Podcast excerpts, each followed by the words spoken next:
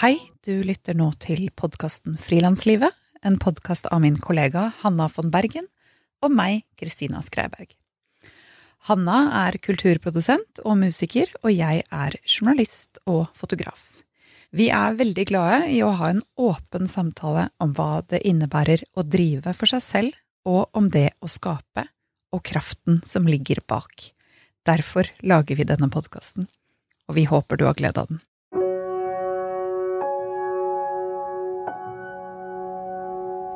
Ukens annonsør det er Frilansfinans. Hvis du som frilanser har behov av å fakturere en kunde, men du ikke har et eget firma, så kan dette være løsningen for deg. Frilansfinans de fakturerer nemlig for deg, og du mottar lønn på konto innen fem dager. Så du blir på en måte ansatt i perioden du bruker eh, frilansfinans. Og det kan være et veldig bra alternativ for deg som ønsker eh, lønnsinntekt, eller ikke orker tanken på regnskap, eller som f.eks. har frilansing som en sideinntekt. Gå inn på frilansfinans.no. Lag deg en konto i dag. Det er gratis og helt uforpliktende. I dag har jeg besøk av fotograf og journalist Afshin Ismaeli. Afshin har de siste 15 årene tilbrakt mesteparten av sin arbeidstid i Midtøsten, mest i Syria og Irak. Jeg har fulgt arbeidet til Afshin i flere år. Det har vært artikler i Aftenposten og sterke bilder som dukker opp i feeden min på Instagram. Han har formidlet historier om hvordan IS-krigeres koner, enker og barn lever. Han har fortalt historien til fem foreldreløse barn av norske IS-foreldre som han fant i Al-Hol-leiren i Syria. Og da over 12 000 migranter måtte rømme fra den nedbrente Moria-leiren i Hellas nå nylig, da var Afshin der. Arbeidet hans har gjort sterkt inntrykk på meg, og jeg har lenge villet intervjue ham for frilanslivet, for å høre hvordan han jobber, og ikke minst hvordan jobben påvirker ham. Afshin er 35 år gammel, han er kurdisk og født i Iran. I 2008 flyttet han til Norge. Han har en mastergrad i journalistikk fra Universitetet i Oslo, og de siste 15 årene har han jobbet som frilanser, inntil han fikk fast jobb i Aftenposten i fjor sommer.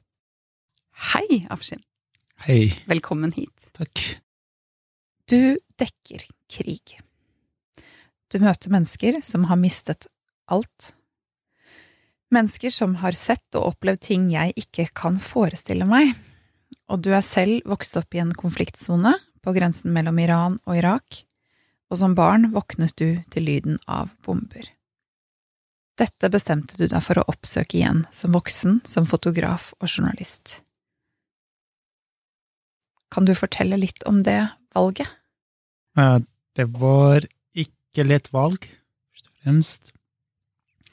Å ha opplevd disse tingene i barndommen, og eh, oppleve en del urolige perioder i livet, og så plutselig, nei, da må jeg oppsøke det her igjen. Og, men da var det altså, da må jeg gå tilbake til barndommen, at hvordan eh, det var min, min, barndom, og hva har jeg opplevd, og eh, eh jeg husker at eh, det var alltid Når dette her skjedde, det var krig i den tiden, Irak-Iran-krigen i 80-tallet, og da var det, som du nevnte, mye bombinger og alt sånne ting som skjedde rundt i det miljøet som jeg bodde i. Men ja, det har jeg alltid eh, Jeg husker at vi så på TV og sånne ting i den tiden. Vi hadde en sånn liten TV, svart-hvit, men da så vi nyhetene. Eh, men vi alltid eh, Det var jo ikke veldig mye av den delen av livet oss, da. Det var veldig lite journalister og fotografer som kunne dekke den områden som vi var i. Det var veldig lite om folk som døde der, om jeg mister jo mange eh, medlemmer i min familie. Det er ingen som på en måte snakket om oss, om eh, min barndom, et barn som vokste opp i krig, i en krig-konfliktområde. Så da Da bestemte meg var, Da var det hovedgrunnen for å dekke altså, det stemmene som ikke blir hørt for mye, fordi våre stemmer aldri blir hørt eller min barndomsstemme aldri ble hørt. Det er ingen som visste om oss da, den tiden. Så da, da var det veldig viktig for altså, denne bakgrunnen, og da hendte jeg ok, da må jeg, det er veldig viktig å eh, søke den områdene, men også fortelle de, de stemmene som er, eh, mindre, blir mindre hørt. Eh, det, er jo, det, er jo, bra det er mange journalister eh, i, i konfliktområdet. Det er ikke som før i de gamle dager. Da var det litt mindre, det var sånn to-tre journalister i hele konfliktområdet, men nå er det mange journalister i, som er i alle konflikter rundt omkring i verden. Men for min del er eh, det viktigste de stemmene som er ikke blitt hørt. Så det er, eh, det er hovedgrunnen for å reise tilbake, for å særlig eh, de som er ganske sårbare i de områdene, som barn, for eksempel, og fortelle deres historie, hva de har opplevd, hvordan de har levd under krigen i den tiden. Når skjønte du at det var det her du ville jobbe med? Da var jeg barn. Jeg ville ha blitt politiker. For å fikse verden. Hvis jeg trodde at ja, ok, ja, da blir jeg politiker, da kan jeg fikse hele verden. Da blir det ikke krig lenger. Da, da skal jeg fikse det. Men etter hvert da kjente jeg at nei, det er, det er politikere som er problemet. Det er de som skaper uh, krig. Det er de, det er de, som er uh, bak alt krigen som skjer i verden. Uten de politikere så er det ingen krig.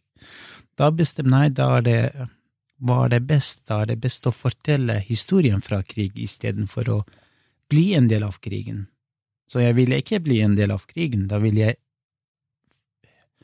eh, mest fortelle de historiene fra krigen, for å la folk vite om det som grusomme siden av krigen.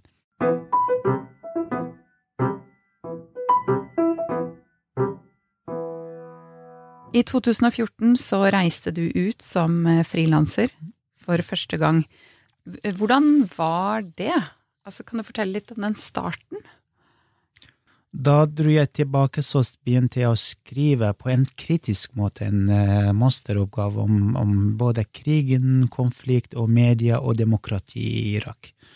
Da det startet, så begynte jeg også da var det begynnelsen av altså IS på den måten i 2014 og 2015, at eh, da blir vi kjent med IS.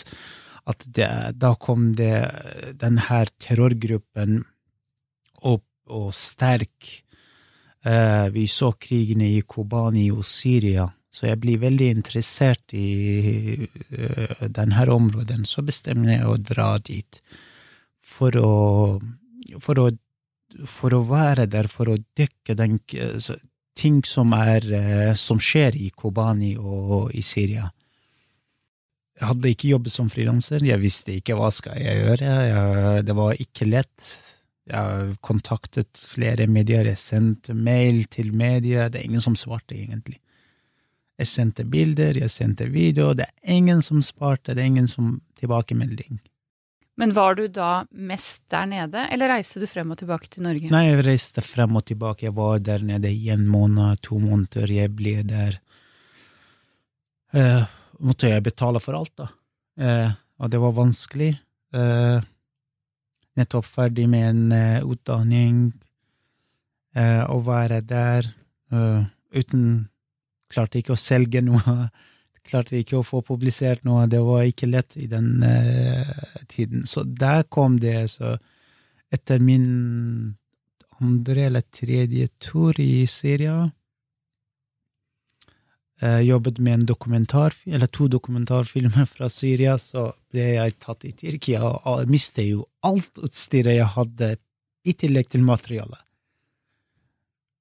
Da kom det, det var sånn bom. Ok, da da var jeg på en måte ren.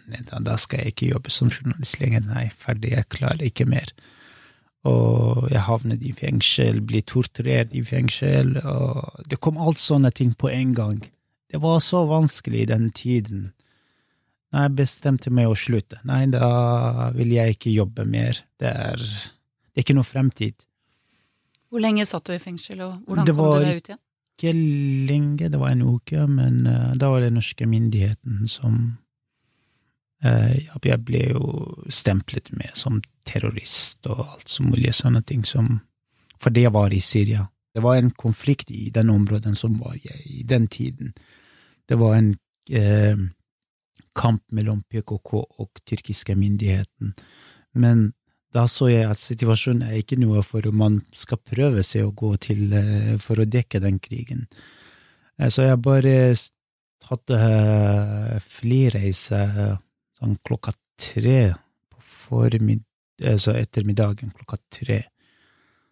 Så jeg var Jeg kom, ankom til Diyarbakir i to på natta.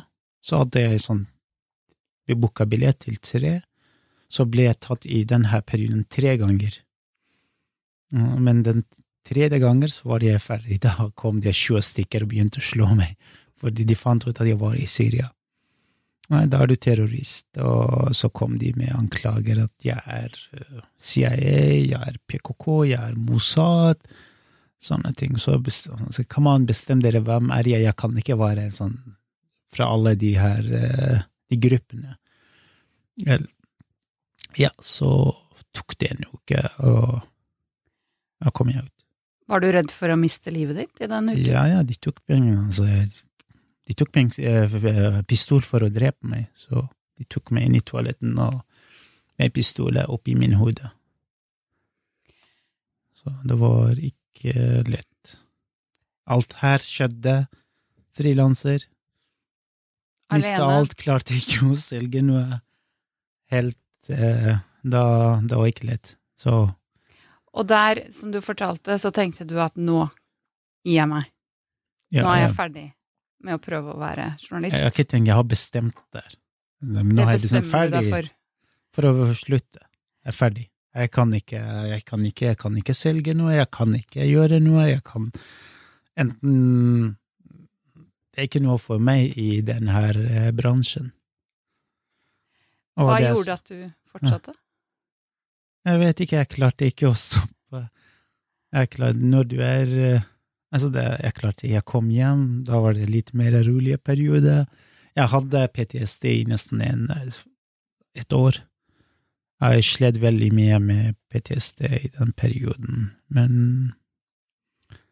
så startet eh, krigen i Mosul. Da kan jeg ikke eh, være med hjem, så jeg måtte dra. Så dro jeg med en gang. Så jeg kjøpte jeg jo alt utstyr tilbake. Jeg måtte kjøpe kamera, eh, så PC, mobil Tok alt. Alt eh, forsvant. Og i tillegg, eh, det som Jeg søkte, men så jeg har forsikring. Ok, de har tatt alt det her fra meg. Eh, så jeg har alt bevis på det her. Så sendte jeg her til forsikringen. Nei, de, vi tror ikke på deg. Så de putter meg i svartliste i forsikringen og i hele banken. Fordi nei, vi tror at han lyver.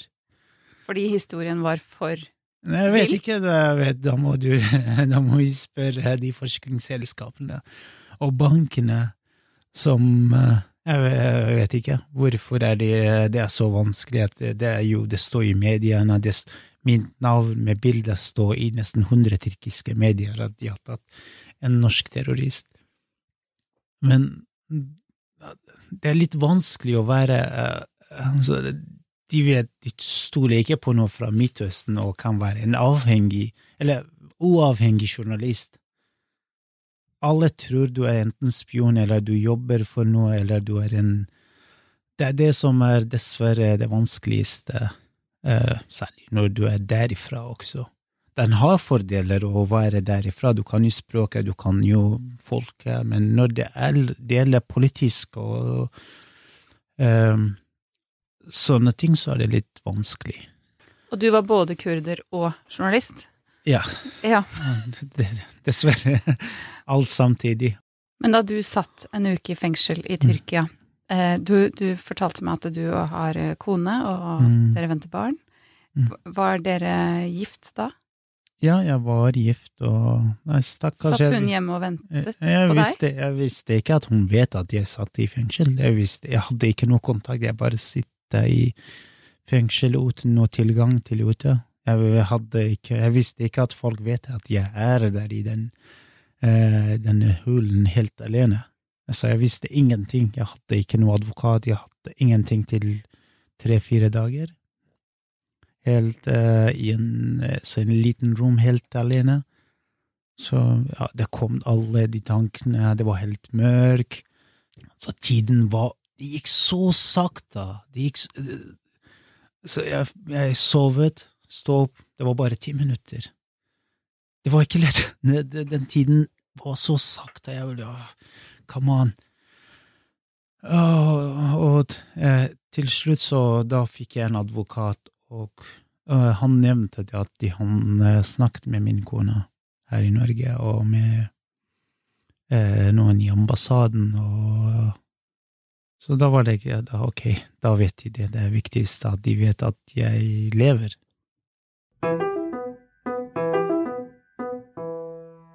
Nei, da du kom hjem, så fortalte du at du fikk eh, posttraumatisk stressyndrom, mm. og at det gikk et års tid mm. eh, før du kjente at du ville ut igjen. Men hva gjorde du det året?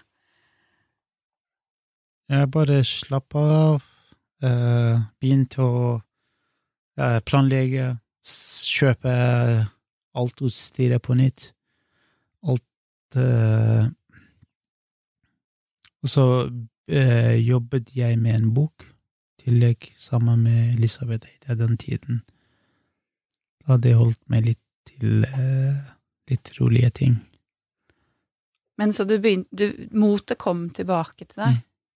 Så motet komme tilbake, ja, ja, etter hvert.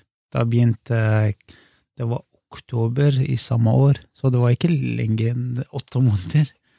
Så jeg startet eh, Mosul-krigen altså krigen for å erobre Mosul.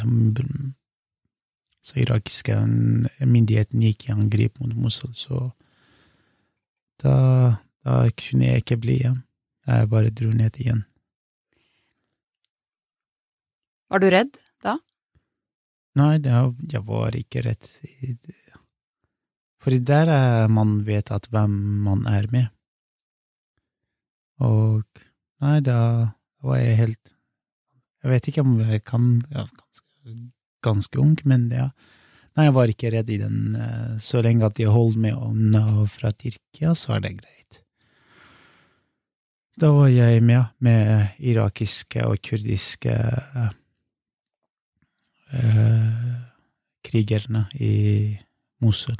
I, men det var rett på den måten at var, kampene var intense.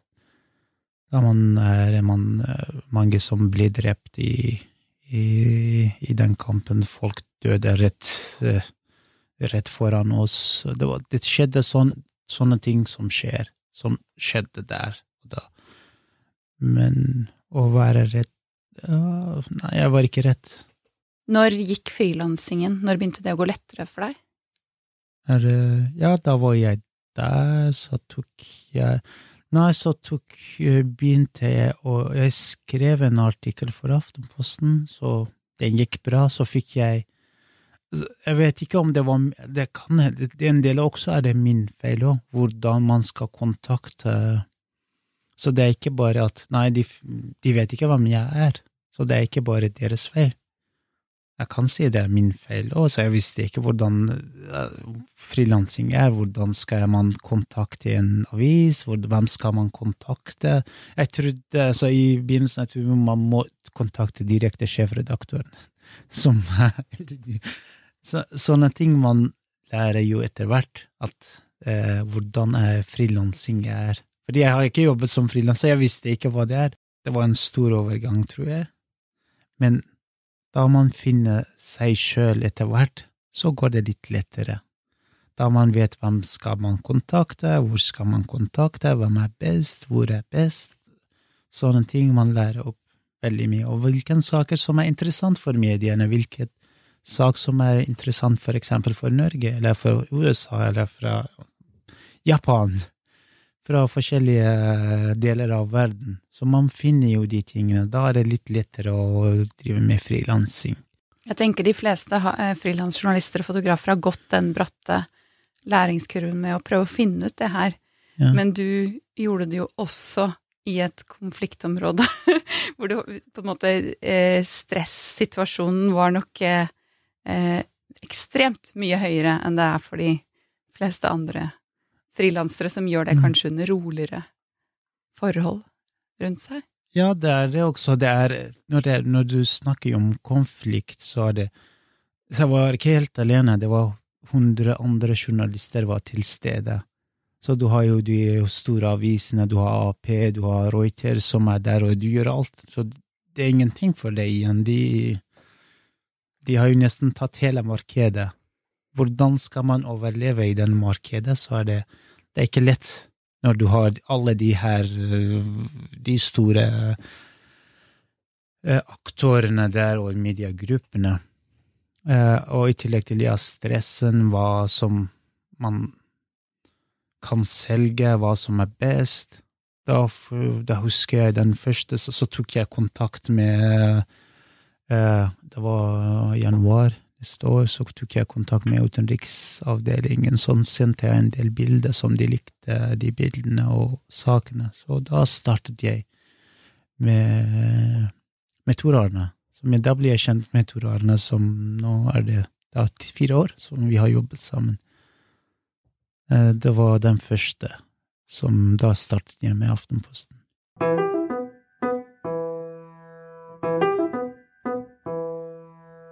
I fjor sommer så ble du ansatt i Aftenposten, Mm. etter mange år som frilanser. Hvordan var det å jobbe som frilanser i forhold til hvordan du har det i dag som fast ansatt? Altså, det er to Så frilanser, det er eh, Da er du fri, du kan gjøre hva du vil. Du kan reise hvor du vil. Men som ansatt, da har du en redaksjon som bestemmer over deg. Du skal jo selvfølgelig komme med forslag, men det er ikke sånn at du bare eh, eh, 'Jeg vil reise dit i dag, i morgen.' Så booker du blitt og reiser dit. Det er eh, det med frilansingen som kanskje var eh, litt lettere, men, men redaksjon, da har du en hel redaksjon bak deg. Hvis det skjer noe, da har du hele redaksjonen, en sånn stor redaksjon bak deg. Du har jo på, øh, på den økonomiske delen også, da, da vet du hvordan det er. Du, du trenger ikke å bekymre deg om sånne ting. Så det er veldig viktig, for eh, da, da er det litt sånn forskjell mellom frilansing og og eh, redaksjoner, altså jobbe i en avis fast. Men har det forandret måten du er ute i felt på? Altså det, dessverre så kom det korona, så jeg vet ikke veldig mye om det er eh, forandret veldig mye, men eh, Så det har jo vært koronaperiode nesten nå er det ti måneder, og jeg er ansatt i et år. Men Og du har bare hatt én reise, og det var til Moria i Hellas i år. I år, ja. Dessverre. Det har blitt, det er så vanskelig å reise. Det er ikke lett, og i tillegg er på grunn av situasjonen at, og helse og risikoen å reise til en del områder, eksempel til Irak, som er med stor smitteantall, og Syria i tillegg. Så det er ikke I tillegg Det første er ikke lett å reise inn, og i tillegg så er det litt fare. Men da har jeg reist veldig mye etter jeg ble ansatt, og i fjor så har jeg reist to-tre ganger. Hvordan Mm. er det for deg å sitte hjemme nå og ikke kunne være ute der det skjer? Heldigvis skjer ikke veldig mye. Så man er ikke sånn ok, ja, hvorfor er jeg her? Den følelsen at hva gjør jeg her? Det skjer ting der. Heldigvis skjer ikke veldig mye. Eh, Det er ikke noe konflikt, det er ikke veldig mye konflikt som det var før. Det eneste så er det korona, og da er det hele verden, det er ikke bare Midtøsten, det er her også. Så da er det litt mindre, mindre eh, både mentalt At eh, man tenker jo på det at nei, hva gjør jeg her, hvorfor er jeg ikke der? Så det, på, den, på den siden så har det gått ganske greit. Så jeg jobber jo herifra med mange saker fra Midtøsten, så vi har ikke bare sittet og gjør ingenting. Jobber jo, jobber jo, jobber. Så Jeg ser for meg at du jobber og jobber. Men du har jo inntil i år reist eh, omtrent hver måned til Ja, Midtøsten. jeg savner Midtøsten. Jeg savner veldig mye Midtøsten, men sånn er det. Jeg savner jo folket, jeg savner jo maten der. Jeg savner jo den her uh, adrenalinen å jobbe der og være i sånn så Jobbe fra seks-fem på morgenen til ni-ti på kvelden. Jeg savner jo de tingene her. Jeg savner jo historier fra folk, fra mennesker. Men det er ikke noe vi kan gjøre når det er korona. Så kan jeg se for meg at din kone syns det er godt å ha deg hjemme litt. Det er sikkert det er, eh, det er godt for henne. Hun er jo veldig fornøyd. Hun vil at korona kanskje fortsetter. Eh, For hvordan kan man jobbe, eller hvordan kan du Men- jobbe på den måten når du har Men ikke- kone hjemme? det er ikke det at hun jo ikke støttet meg, hun er jo alltid støttet meg. Når jeg er uten henne, så tror jeg ikke klart noe, noe ting. Hvis det hadde vært en som sagt nei, så da måtte jeg slutte, på en måte. Eller slu, enten slutte mitt liv, eller ikke liv, men slutte den her, eh, det livet jeg har med henne, eller å slutte jobben. Men eh, heldigvis så har hun eh, stått med hele veien, fra starten til eh, nå. Så med barn, så vi får se hvordan det blir. Jeg tror det kommer til å støtte meg hele veien videre. Selv om det er litt vanskelig når du har et barn, og du vil se barna hele tida, men det er viktig også å være på feltet og være med folk og fortelle deres historier til verden. Og din kone kanskje også ser hvor viktig det er. Både som en Mm. sånn for samfunnet og, og for deg. Ja, hun ser jo den her eh, Den passionen som jeg har for den jobb, for min jobb, og eh, de historiene som blir altså De tingene Fordi hun vet alt om hva jeg gjør, hvilken historie, så jeg deler jo alltid historiene med henne. Både ting som jeg har fortalt, eh, som ble skrevet og ikke skrevet. Så hun vet jo vel ganske mye av eh, min jobb. Så da eh, hun forstår veldig mye, tror jeg. Jeg blir litt sånn rørt over at hun eh, klarer å være så raus. Ja. Ikke lett, men hun forstår det. Det er det, det viktigste. At hun vil eh, Selvfølgelig hun vil ha en mann som som er med henne alltid, så går til jobben åtte til fire, så er det hjemme eh, etter fire og ha så, Men eh, hun forstår den andre siden også, hvor viktig jobben eh, vår er for eh, både for avisen og for samfunnet.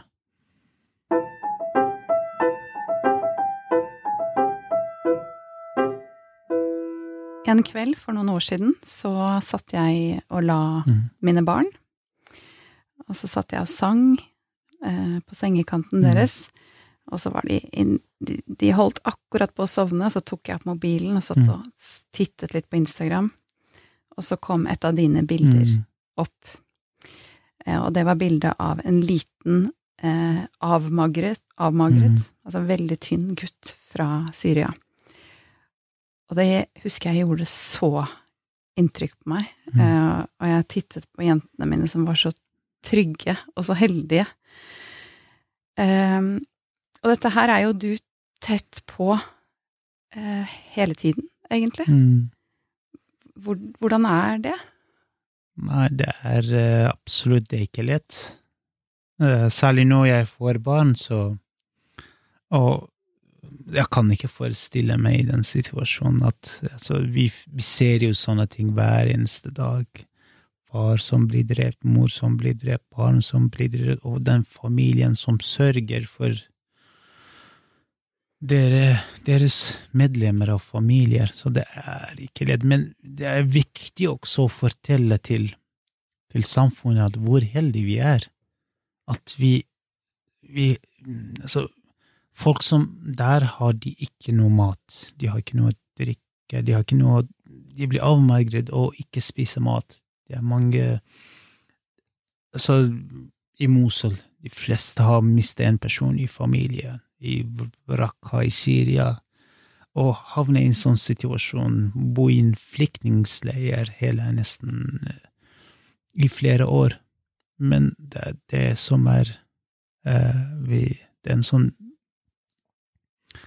eh, Og til, til her, særlig her i Norge, at folk vet eh, så får vite at hvor heldige vi er, at vi er Nei, vi har det bra, vi, ha, vi har noe mat å spise, vi har et hus til å bo i, som de folkene har ikke.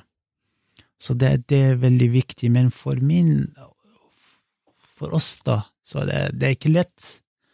Men eh, eh, det er viktig å være der, det er viktig å fortelle de historiene, det er viktig å dekke den krigen, alt viktigheten rundt det at gjøre at slik at nei, vi kan tåle det her. Det er greit å være litt eh, Så tåle alt det her grusomme, det Det tingene som en menneske kan ikke tåle. Det er, det er ikke lett. Så hver gang Nå var jeg i Moria. Jeg var i samme situasjon 2000, 1996. Akkurat samme. Jeg bare okay og det skjer igjen. Jeg var i samme situasjon 1996. Akkurat samme. Lå på gulvet eh, i flere dager uten mat og drikke. Det hadde skjedd med meg òg. Og det kan skje igjen nå, men nå er jeg heldig, jeg har alt. Eh, og det er veldig viktig at jeg fortsetter å fortelle de historiene. Det er veldig viktig for meg å, å dekke denne historiene konflikten, krigen, flyktninger, alt til verden. Men hvordan er det for deg å få de minnene tilbake? Uh, det, det, kommer å gå bort, men det er viktig Så Den historien tror jeg det er på en måte Det er uh, Det er viktigere enn bare en minne av min jeg hadde, hadde, hadde vært i en sånn, sånn situasjon for noen periode det er viktigere de her, å fortelle de historiene. Da kan man si det, det, er greit, det har vært i en sånn situasjon. Men kanskje en, å fortelle den historien, da flere folk vet om det her, og det er viktig. Men hvordan mm. snur du deg om fra eh, å være i et konfliktområde til å komme hit til fred og i-landsproblemer? Hvordan switcher du om? Ja, det må du bare lære opp. Det er, sånn er det. Det er å bare akseptere realiteten. At det er uh, slik, og her er slik. Det er ikke noe mer man kan gjøre. Det er slik det er, det er livet. Man må akseptere, man må godta det det er. Det er realiteten som vi bor i det som for eksempel i Mosul, da var det krigen pågikk i Mosul. Eh, 40 minutter unna så kjørte vi til Erbil. Da kunne vi drikke øl, vi kunne spise beste maten. Det er bare 40 minutter unna, men 40 minutter, da var det så masse folk, masse døde folk. Flere tusen døde folk. Eh, kunne vi ikke spise, det var lukten av døde mennesker overalt. Det er bare 40 minutter. Så det er to forskjellige Man ser jo at nei, det kan ikke være samme et land med så stor forskjell, men det er det, og det er realiteten. Vi, vi må jo akseptere det, det, vi kan ikke gjøre noe mer. Og du tilpasser deg?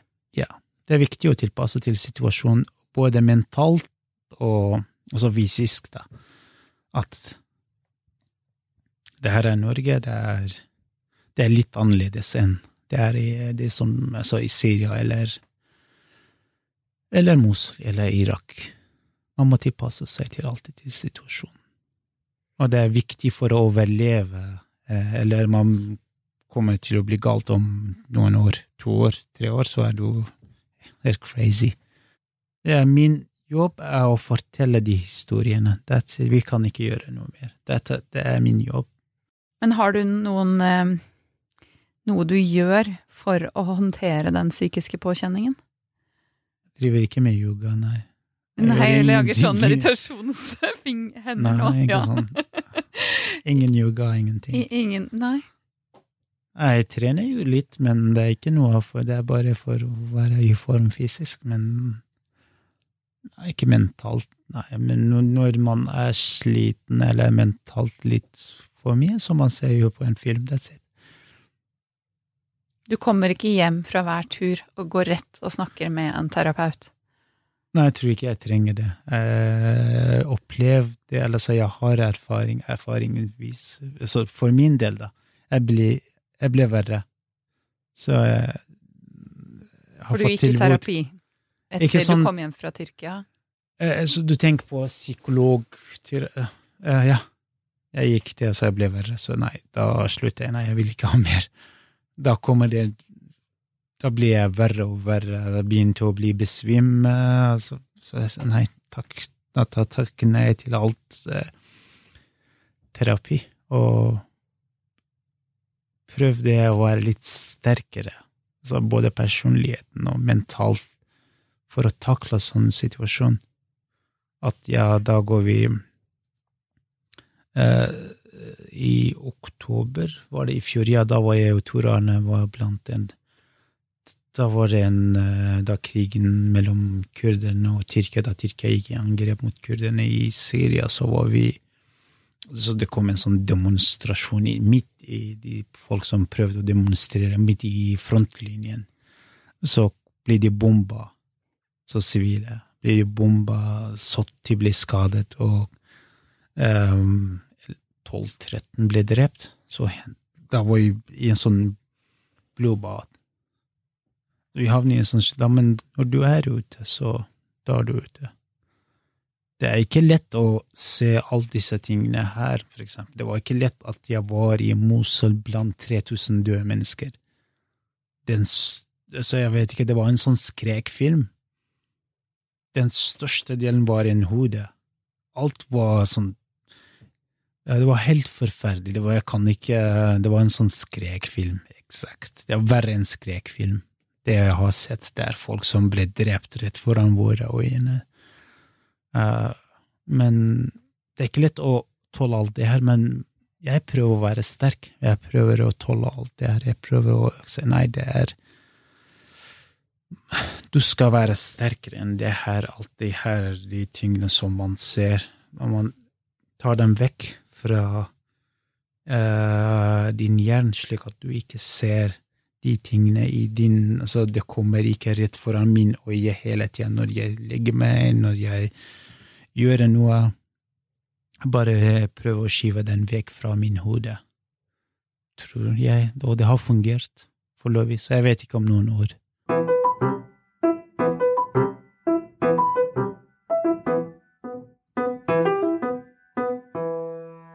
Hvordan, når du da står der i Mosul, hvordan ivaretar du egen sikkerhet? Uh, jeg har godt, blitt så godt kjent med den områden, jeg tror jeg, jeg virker som lokalt, tror jeg. Både der og Syria. Vi havner i en sånn situasjon som er Men der, da har jeg flere ting. Vi, vi sjekker jo på forhånd alt hvor vi skal, hvem vi skal kjøre med, så taxisjåfører eller bil, vil jeg noen Alt sånne ting så eh, vi må sjekke på forhånd til, eh, og til å si fra til sjefen på Aftenposten, slik at de har full kontroll over hvor vi skal, hva vi skal gjøre. Og vi skal ha flere kontakter hvis det skjer noe, slik at de har en eh, kommunikasjon med noen der som kan Hvis det skjer noe, så kan de håndtere situasjonen. Men når du er på bakken, så er det å være kjent i den området og ha kjente folk Jeg kjenner jo ganske mange folk nå etter noen år, Og snakker språket? og jeg kan snakke språket, ja, som hjelper veldig, veldig mye. Og Men ja, det her er Det alltid gir jo gir meg en blikk, og så en oversikt over hva jeg skal gjøre, hvem skal jeg ta kontakt med, og i tillegg til det her og eh, kommunikasjon med å kjenne til kulturen og hvordan du skal eh, kommunisere med, med en, som en mann, med en kvinne, eller med med en radikal mennesker, med en vanlig Med forskjellige mennesker i den områden. Det har jo hjulpet veldig mye for å bare ta sikkerheten. Men var det mer risikofylt som frilanser? Altså, har du fått et bedre støtteapparat rundt deg nå som ansatt, eller er det omtrent det samme? Nei, men det, er jo nesten samme når du er fel på feltet, så er du Uansett om du er med en frilanser eller med noe, så er du på feltet. Men passet du like godt på deg selv da du var frilanser? Når man er frilanser, da, man da man har litt mer, ja, da må ja, man ha få best, da, for å klare å overleve i markedet. Så da man tar litt mer risiko, selvfølgelig, tror jeg. Eller tror jeg. Da man tar litt ekstra risiko enn når man er en ansatt. Eh, jeg tror det gjør alle frilansere også. Det er mange Det er mange som eh, ble drept, eller så de, så de fleste var frilansere. For de tar litt mer risiko for å overleve i den markedet. Men som frilanser, når man er på slike reiser, så kan jeg se Så ser jeg for meg at man er på vakt egentlig hele tiden. Altså du er på jobb Ja, egentlig hele tiden. Ja. Eh, får man Eller er det mulig å få godt nok betalt for den innsatsen man legger ned? det er en fast beløp for frilansere. Så en, tenk deg at en frilanser som går og tar et bilde av Oslo, altså denne tigeren her, eller Oslo City, får samme daglig betalt som en journalist eller en fotograf som er krigssone. Er det sant? Ja. Det er sånn frilansingssatsene. Du skal få betalt samme, så det er ikke noe eh, sånn eh, Det er det jeg har opplevd, så jeg vet ikke hvordan det er. Eh, Men man eh, jobber jo under helt andre forhold. eh, Det er det, er det men det man får jo betalt samme, så En, en frilanser i en, et konfliktområde jobber under helt andre forutsetninger og risikerer og ofrer noe helt annet enn en som løper ned og tar bilde av eh, et eller annet nede på Jernbanetorget. Det er det. Det, så det er vel ikke akkurat lett å frilanse fra altså, alt, konfliktområder, men man ofrer seg kanskje for opp, samfunnsoppdraget sitt. ja, det, er, faktisk altså, I tillegg til det her, så har du altså, jeg, det, jeg vet ikke, men så jeg har litt annen situasjon, men det er mange som reiser på egen hånd. De betaler jo billett, de, betaler, de betaler jo for fiksere. Jeg tenkt, jeg har ikke trengt alt det her. Jeg hadde, jeg hadde ikke trengt fiksere, for eksempel, som er ganske dyrt. Jeg trengte ikke noe bil, jeg kunne bare leie en bil og kjøre sjøl. Så sånne ting som kan koste veldig mye, nesten 5000-6000 kroner per dag.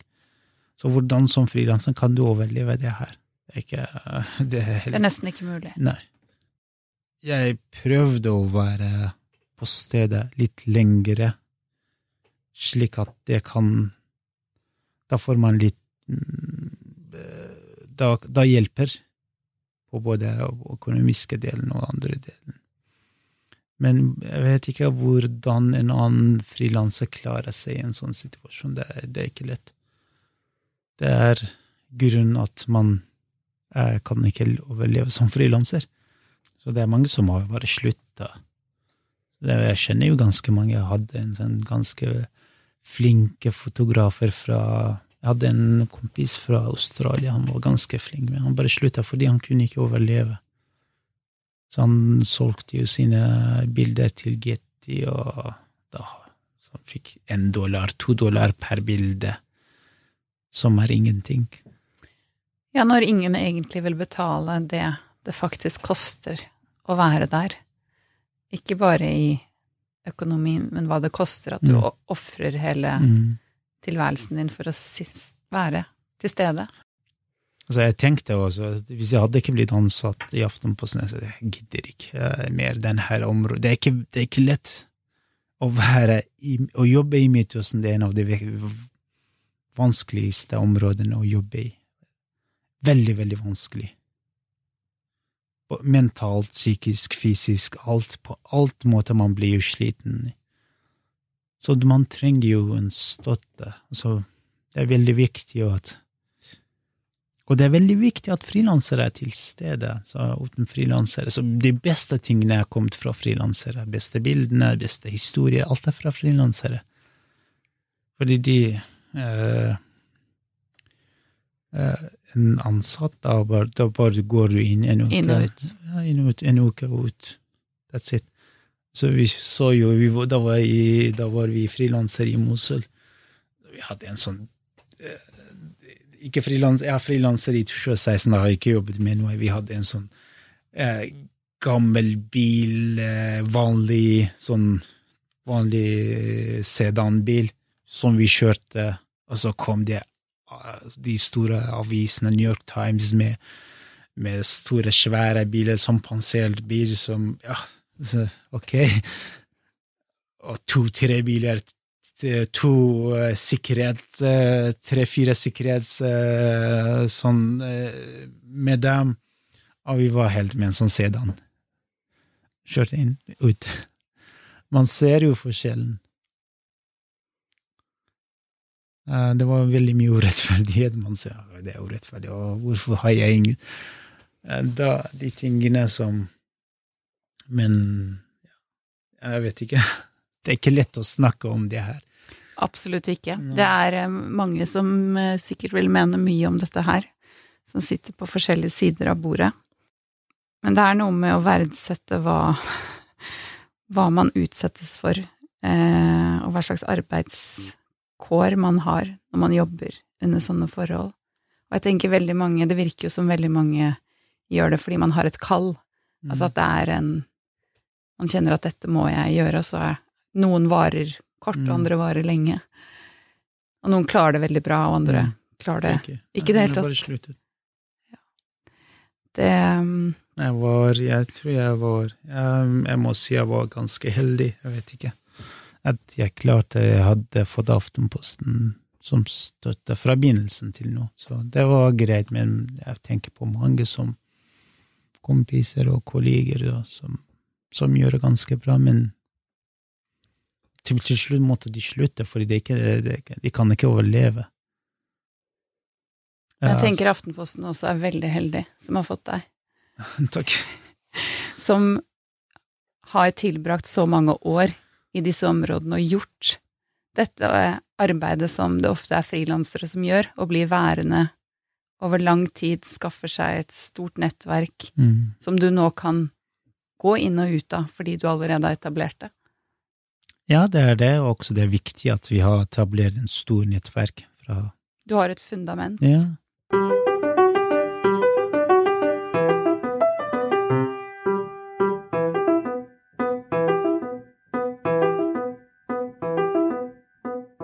For apropos det, de beste historiene, så tenkte jeg vi kunne snakke litt om eh, det at du i fjor avdekket sammen med da Aftenpost, sammen med Aftenposten-journalist Tor Arne Andreassen, som du jobber mye sammen med, eh, i flere artikler historiene om norske barn som befant seg i Syria fordi foreldrene var tilknyttet IS.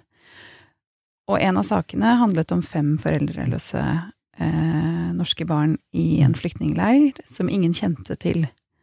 Eh, og disse barna fant du, så vidt jeg har forstått. Mm. Hvordan fant du dem? Er det fordi du allerede har etablert et så stort Eh, nettverk? Ja, det er eh, det hjelper. Altså, det har jo hjulpet veldig mye. Jeg, over, jeg overnattet på den leiren med folk og skape nettverk, i 2017. Det er blant eh, Så jeg 2015-2016 jeg har jo vært frem og tilbake hele tida, og det hjelper til å skape en nettverk blant forskjellige folk.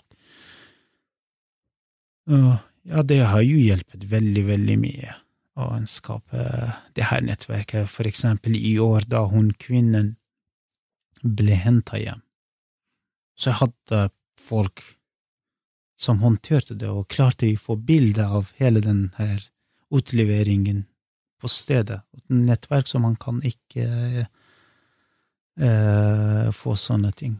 Ja, men det her også med de fem barna, det var en, jeg hadde en nettverk, jeg hadde folk til stede i forskjellige områder i Syria som kunne eh, hjelpe, med, hjelpe, til med slike situasjoner, så jeg måtte minne dem, sende bilder, sende navn, har du sett denne personen, jeg har måttet sende, kommunisere med fra IS-siden til eh, de eh, Fra folkene fra leiren, fra forskjellige områder, for å kommunisere, for å finne ut eh, hvem som har kommet ut eh, eh fra IS-området til, til, den leiren.